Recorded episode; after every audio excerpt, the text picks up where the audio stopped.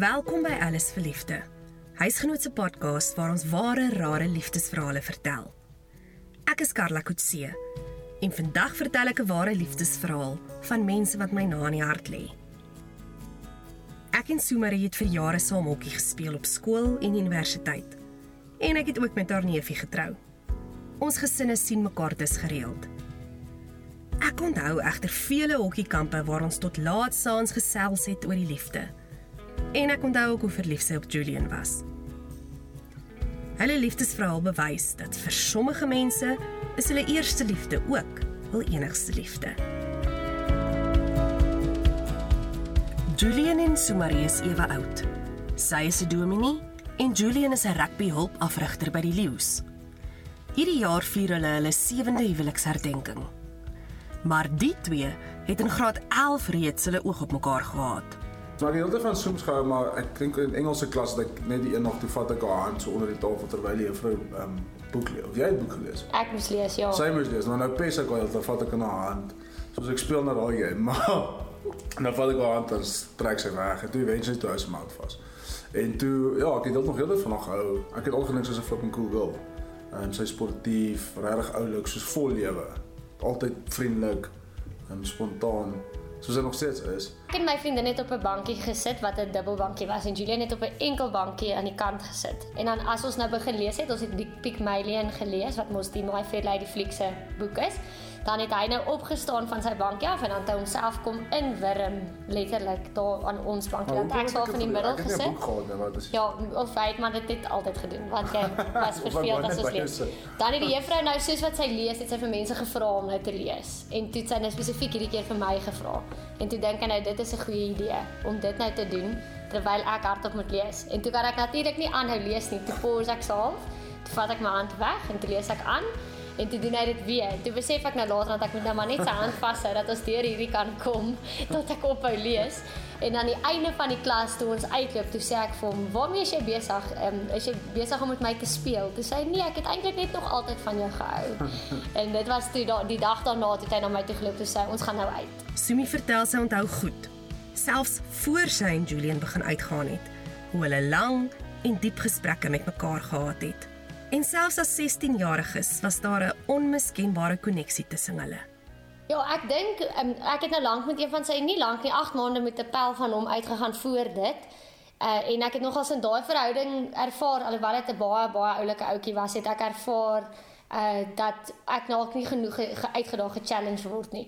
Waar ek met Julian altyd vir ure kon in gesprek tree um en hy het altyd so half probeer om om my 'n go te gee as ek dit so kan stel. En ek dink dis juist wat ek toe van nog altyd van hom gehou het is hy sal nie net hy's glad nie 'n ja broer nie. Hy sal nie net saamstem nie. Hy sal altyd sy opinie lig en die ander kant op probeer stel. Soos hy, ek is nou 'n dominee, maar hy was lief om my al baie jonk, ons baie jonk was om my goed oor die Bybel te vra. En dan kon ons twee daaroor debatteer. Sumi sê sy kan nie hulle eerste date goed onthou nie.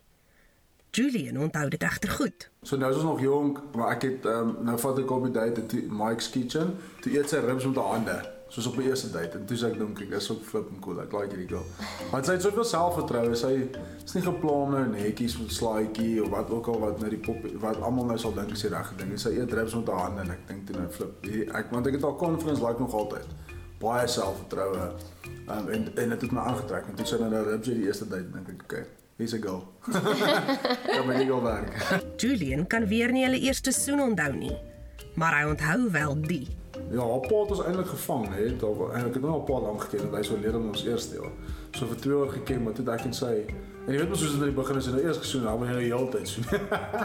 Hy het dit ons op die gras gaan sit en toe kom hy ingery. Dit is hom nie gesê toe vang hy ons uiteindelik uitvry. So, Het oom Krikkie iets gesê? ah, ah, uiteindelik dit was eintlik erger geweest. Hy het niks gesê is. Dis toe net nadat ons begin uitgaan het.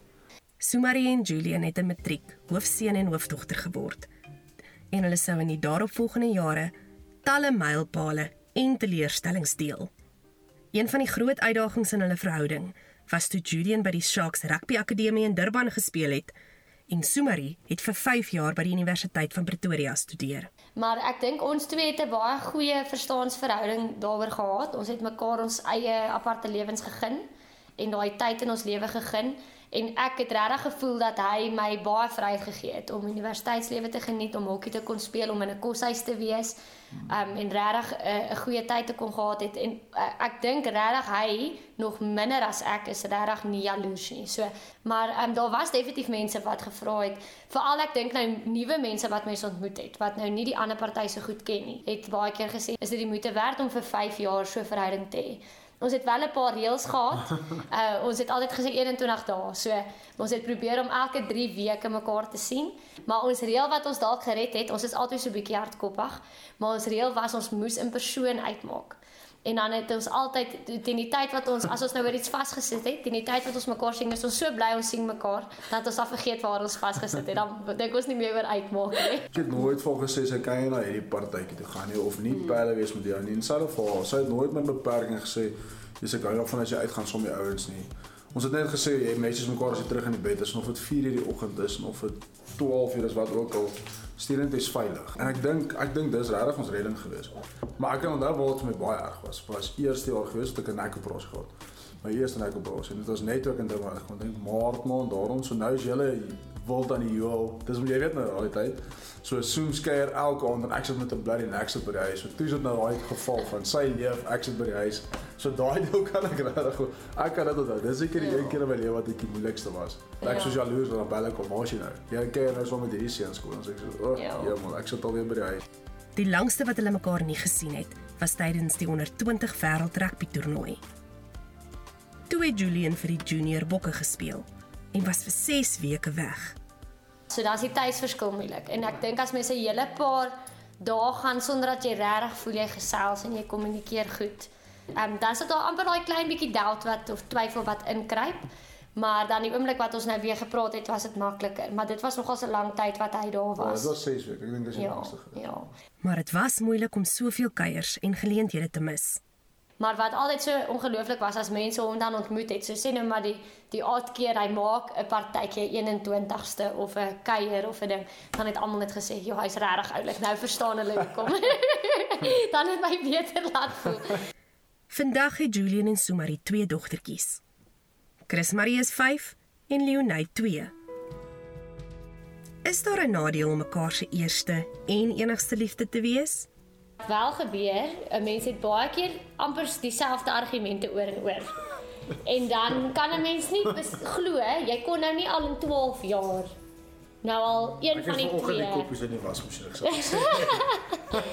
een van die twee kon nou nie al meer gegroei of ontwikkel nie. Natuurlik sal jy nou altyd dink die ander party nê moes nou al 'n bietjie meer gegroei het in hierdie area of wat ook al. So so ek dink dit wys maar net ons is ons bly menslik. Ehm um, en mens gaan mens gaan ander amper sterk voel oor dieselfde goed amper saam met die feit dat jy oor die ding baklei, baklei, as jy daarmee versteur dat jy daaroor baklei vir die soveelste keer en nog steeds dieselfde uitkomste het. Ja. Julian het in 2013 vir die Lions begin speel en toe word hy in 2014 gekies vir die Springbokspan. Ons almal was baie opgewonde. Na 8 wedstryde vir die Bokke het sy lewe egter in 'n oogwink verander. In die 2016 halfeindstryd van die Karibebeker tussen die leeu's en die cheetahs het Julian sy nek gebreek. Sumari was toe 5 maande swanger. Ek was op die jeugkamp toe dit gebeur het en aanvanklik het ek nie gedink dit is so ernstig nie want hy het in die week uh hier naby sy sleutelbeen 'n besering, 'n ligte besering gehad. So toe dit gebeur het, ek gedink dit is eers net dit. Eintlik nie eens mooi opgelet toe die kameras hom wys en goed nie. Maar toe langer hulle hom nou gewys het, toe meer het mense nou besef dit is ernstig. Maar nog steeds, ek het regtig nie gedink dit is so ernstig nie. En ontrent so 10 minute nadat hy van die veld af was of dalk net dalk nou net direk na die wedstryd, het hulle spandokter my gebel. En ek dink ek het besef toe ek Dr. Rob Collins se stem aan die ander kant van die foon hoor, nou is dit regtig ernstig. En hy sê toe vir my, dis baie ernstige besering. Ek moet sorg dat ek so gou as moontlik in Bloemfontein kom. Julian sê hy het ook self nie dadelik besef hoe ernstig sy besering is nie. Ja, ek dink die initial uh, weet jy nie wat aangaan nie. Ek het gedog ek het harsonskudding of iets en onthou dis en ek onthou my dit is so pins en neels my hele liggaam gewees.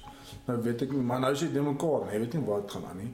Eh is 'n lang storie, maar het, ek dink ek het die erns van die begin besef toe ek my probeer my voete beweeg en ek kon nie niks beweeg nie. Want dan moet jy op die hulle wil op die stretcher sit en dan wil jy eintlik hulle help en so sit met jou been op en ek kon nie dit oplig of iets. So dit was bietjie skerry geweest. En die dokter het in die hospitaal heeltyd gekom en dan sê hy ek moet sy hand druk. Dan gee hy vir my nou sy vingers of wat ook al en dan druk ek dink ek druk, maar dan sê hy vir my druk. Sê ek maar druk. Sumarie en haar skoonpa het toe besluit om die volgende oggend dou voor dag deur Drybloemfontein toe. Maar gelukkig het ek 'n 'n groot ma, rappie ondersteuning vir 'n ondersteuner vir 'n ma, want sy het toe die wedstryd gaan kyk alhoewel ek nie kon kyk nie saam met een van haar vriendinne. Mm. En gelukkig was hulle toe in Bloemfontein toe Julian seer gekry het. Mm. En my ma kon gelukkig die aand by hom wees, die hele pad saam met hom stap. En sy is ook eintlik 'n rasionele, positiewe mens. So dit sy is eintlik baie soos Julian. Ek het my ma getrou. nie my pa nie. En ehm um, ek dink dit was goed want sy by toe al sy dit baie goed hanteer en sy kon toe heeltyd vir ons terugvoer gee. Maar ek onthou spesifiek Kali dat daai aand dan lê jy wakker dan dink jy dadelik en en ek dink op daai stadium vir my was dit nog nie so 'n realiteit dat hy dalk nie gaan kan loop nie, maar dat hy sy loopbaan dalk kon eindig. So mense het hier en daar 'n hoofopskrif raak gelees van ek ek, ek onthou die een Engelse koerant het geskryf 'n career ending injury en toe sink dit half eers in. Okay, so ons lewens gaan nou vir altyd verander en toe ons nou hoor oor die dat dit 'n eie visie gaan moet deurgaan en hulle het hom interaksie gehad vir reg deur die aand toe begin mens besef dis dalk nog groter net as rappie wat verby is hy gaan dalk nooit weer kan loop nie. Julian se nekoperasie het genadiglik goed gegaan. Vier van sy nekwervels is vandag aan mekaar vas. En sy rugbyloopbaan was inderdaad verby. So as ek nou 'n stam kry omdat die beweging beperk is enige so stamp wat vir enige ander mens normaal is. Vir my sal daai stamp te erg wees, my nek sal dislokeer en dan sal ehm um, daai wat is daai koord, ja, die spinale koord. Hy sal ehm um, gesny word en dan sou ek verlang my hele liggaam. Dit vir my was dit eintlik ek gaan nie sê nou breiner nie, maar die besluit is makliker gemaak deur die die uh, gevaar eintlik op te weeg teenoor die die goeie kant. Somarie sê sy telke maal gevra, maar hoekom Julian? Maar hulle was ook baie dankbaar.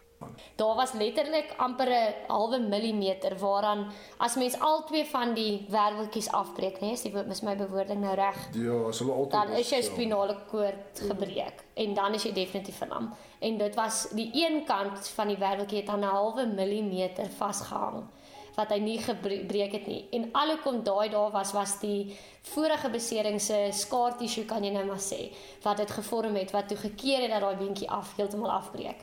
So 'n mens kan nie anders as om daar in net soveel genade te sien. Sy vertel haar man het nie vir een oomblik in sak en as gaan sit nie. Hy klaar die eerste keer die ekstra, die eerste ekstra gehad het na sy operasie. Toe wag ek en sy pa vir hom. Toe stoot hy hom terug in en ons het gaan koffie kry. En ons loop toe terug en en Julian het op die bed gesit en huil. En wat hy nie doen nie, baie doen nie. Ek ken hom baie lank. Ek onthou, hy het dan met al twee ons dogtertjies gehuil en met my trou, ons troudag gehuil. So dit is goed. Maar dit is al. en en en toe ek en sy pa van vra wat's nou fout want nou skrik mens. Mense is nou bang dalk het die operasie nie goed gegaan nie of iets is iets groter is fout. En toe was sy woorde net hy is so dankbaar want is net genade dat dit nie erger was nie. En ek dink dit dit som eintlik op hoe hy die hele besering toe van toe af gesien het. Ek dink dit is maar die groot ding vir almal in die hele lewe, want jy kan dit en soms ek het eintlik vanoggend 'n preek nog luister. Is om te fokus op die goeie goed. Mm. Want ek kan maklik gesê en ek dit was reg met hy om eerlik te wees. Sien maar die, die eerste keer toe die bokke wees. Nou dink jy ek kon nog gewees het, maar dan dan forceer jouself om te kyk, hier's my twee dogtertjies. Ek kan alles met hulle doen. Ek kon net sonder rolstoel sit. Dan dan verander die perspektief heeltemal. Dan sien jy net so okay, not not that bad. Mm. Dankie want Julian het regtig vir die op mees opregte redes altyd rappie gespeel. Hy het dit nie gedoen vir vir roem nie. Hy het dit nie gedoen om om daardeur raak gesien te word nie. Hy is regtig lief vir die game. As jy vir Julian vra wat hy wou word toe hy klein was, gaan hy nie vir jou sê hy wou 'n Springbok rappie speler word nie.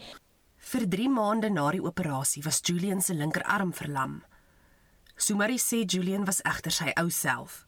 Die ouetjie wat sy jare terug al op verlief geraak het ek het hom geken voor rugby. So vir my is hy nie net 'n rugby speler in my kop nie. Ek weet ja, hy het daar so baie potensiaal in hom opgesluit. Ja, en ek het nie vir hom ek het nie verlief op hom geraak oor dit nie. Dit was eintlik baie snaaks vir die huis want dan moes hy met sy regterhand sy linkerarm optel en aan die kas bo vashou om sy hemp aan te trek. So dit seker tipe van goedjies wat toe nou maar na die besering nou nog daar was. Ek onthou ook hy en dan het hy nou probeer push-ups of so doen. Dan sien jy net daai hele kant van sy vlie, van sy vlekkie is net pap, daar's niks nie. Daar's die senuwees reageer nie daar nie. En as ek so chap myself, dan kan ek nou uiteindelik Dis nie 'n push-up nie, maar as ons teen 'n reiling dan kan ek as hy vir hom so lyk, dan sê hy, "Eers maar, wat is hierdie groot gat in die rug?" Ja. Soos bokkie kyk, dit nou is. Julian sê die grootste aanpassing vir hom was om nie meer daagliks te kompeteer nie. En hy het gesukkel om 'n balans te vind. Uh dit is my werk, is daagliks oefening, is kompeterend, naweke kompeterend, druk jouself. En toe ek nou in 'n in 'n wêreld waar dit nie meer so kom. So ek dink ek het klomp goed genoeg gedoen wat eintlik ek het soos challenges gesoek, ek het en ek dink dit was dit nou? Ja, ek doen dit nog steeds. Soos ek sjaal nou koud elke oggend. Ek Ek nou dan gevas vir 'n dag. Hy eet nou vir 'n jaar nie chips nie. Ja. Want dis nou dis sy favourite snack. En So nou offer hy baie dit op. Ek sal eerlik. Maar ek soek ek soek ek weet mis daai challenge. Maar ek dink wat dit baie keer dan op wat 'n mens dink en dis nou oor die algemeen die die groter prentjie daarvan wat dit moeilik maak. Is ek sal baie keer in my agterkop dink, maar is ons nie goed genoeg nie? Jy weet, is dit nie vir jou genoeg om by die huis te wees en net tyd saam met jou familie te hê nie? Hoekom altyd hierdie soeke na die volgende uitdaging? Maar dan moet 'n mens onthou dit is dis net jare en jare van net dit. Ag, Hy hy het dit nog steeds as 'n champion hanteer. Hy is net 'n champion. Hy's altyd vriendelik, altyd ehm um, besig om om van en en pret in ons huis en in ons huwelik in te bring. Ja, en dit is maklik om vir hom lief te wees, regtig. Uh, en ek ek as ek moet dink ek moet nog vir hom vir 40 of 50 of 60 jaar lief wees dan sit vir my eh, no, dan is ek meer opgewonde nog oor dit as die 12 jaar wat verby is. Julian sê hy voel bevoorreg omdat hy en Sumi al soveel gedeel het en dat hy steeds by haar leer oor empatie en onvoorwaardelike liefde. Alles verliefde word deur my vervaardig en geredigeer. Elke eerste Vrydag van die maand stel ons nog 'n episode bekend. Gaan luister gerus na ons vorige episodes. Hulle is beskikbaar op alle platforms waar jy na podcasts kan luister. Indien jy van 'n liefdesverhaal weet wat ons moet vertel, stuur 'n e-pos aan karla.coetzee@huisgenoot.com. Tot volgende keer wanneer ons weer die liefde vier.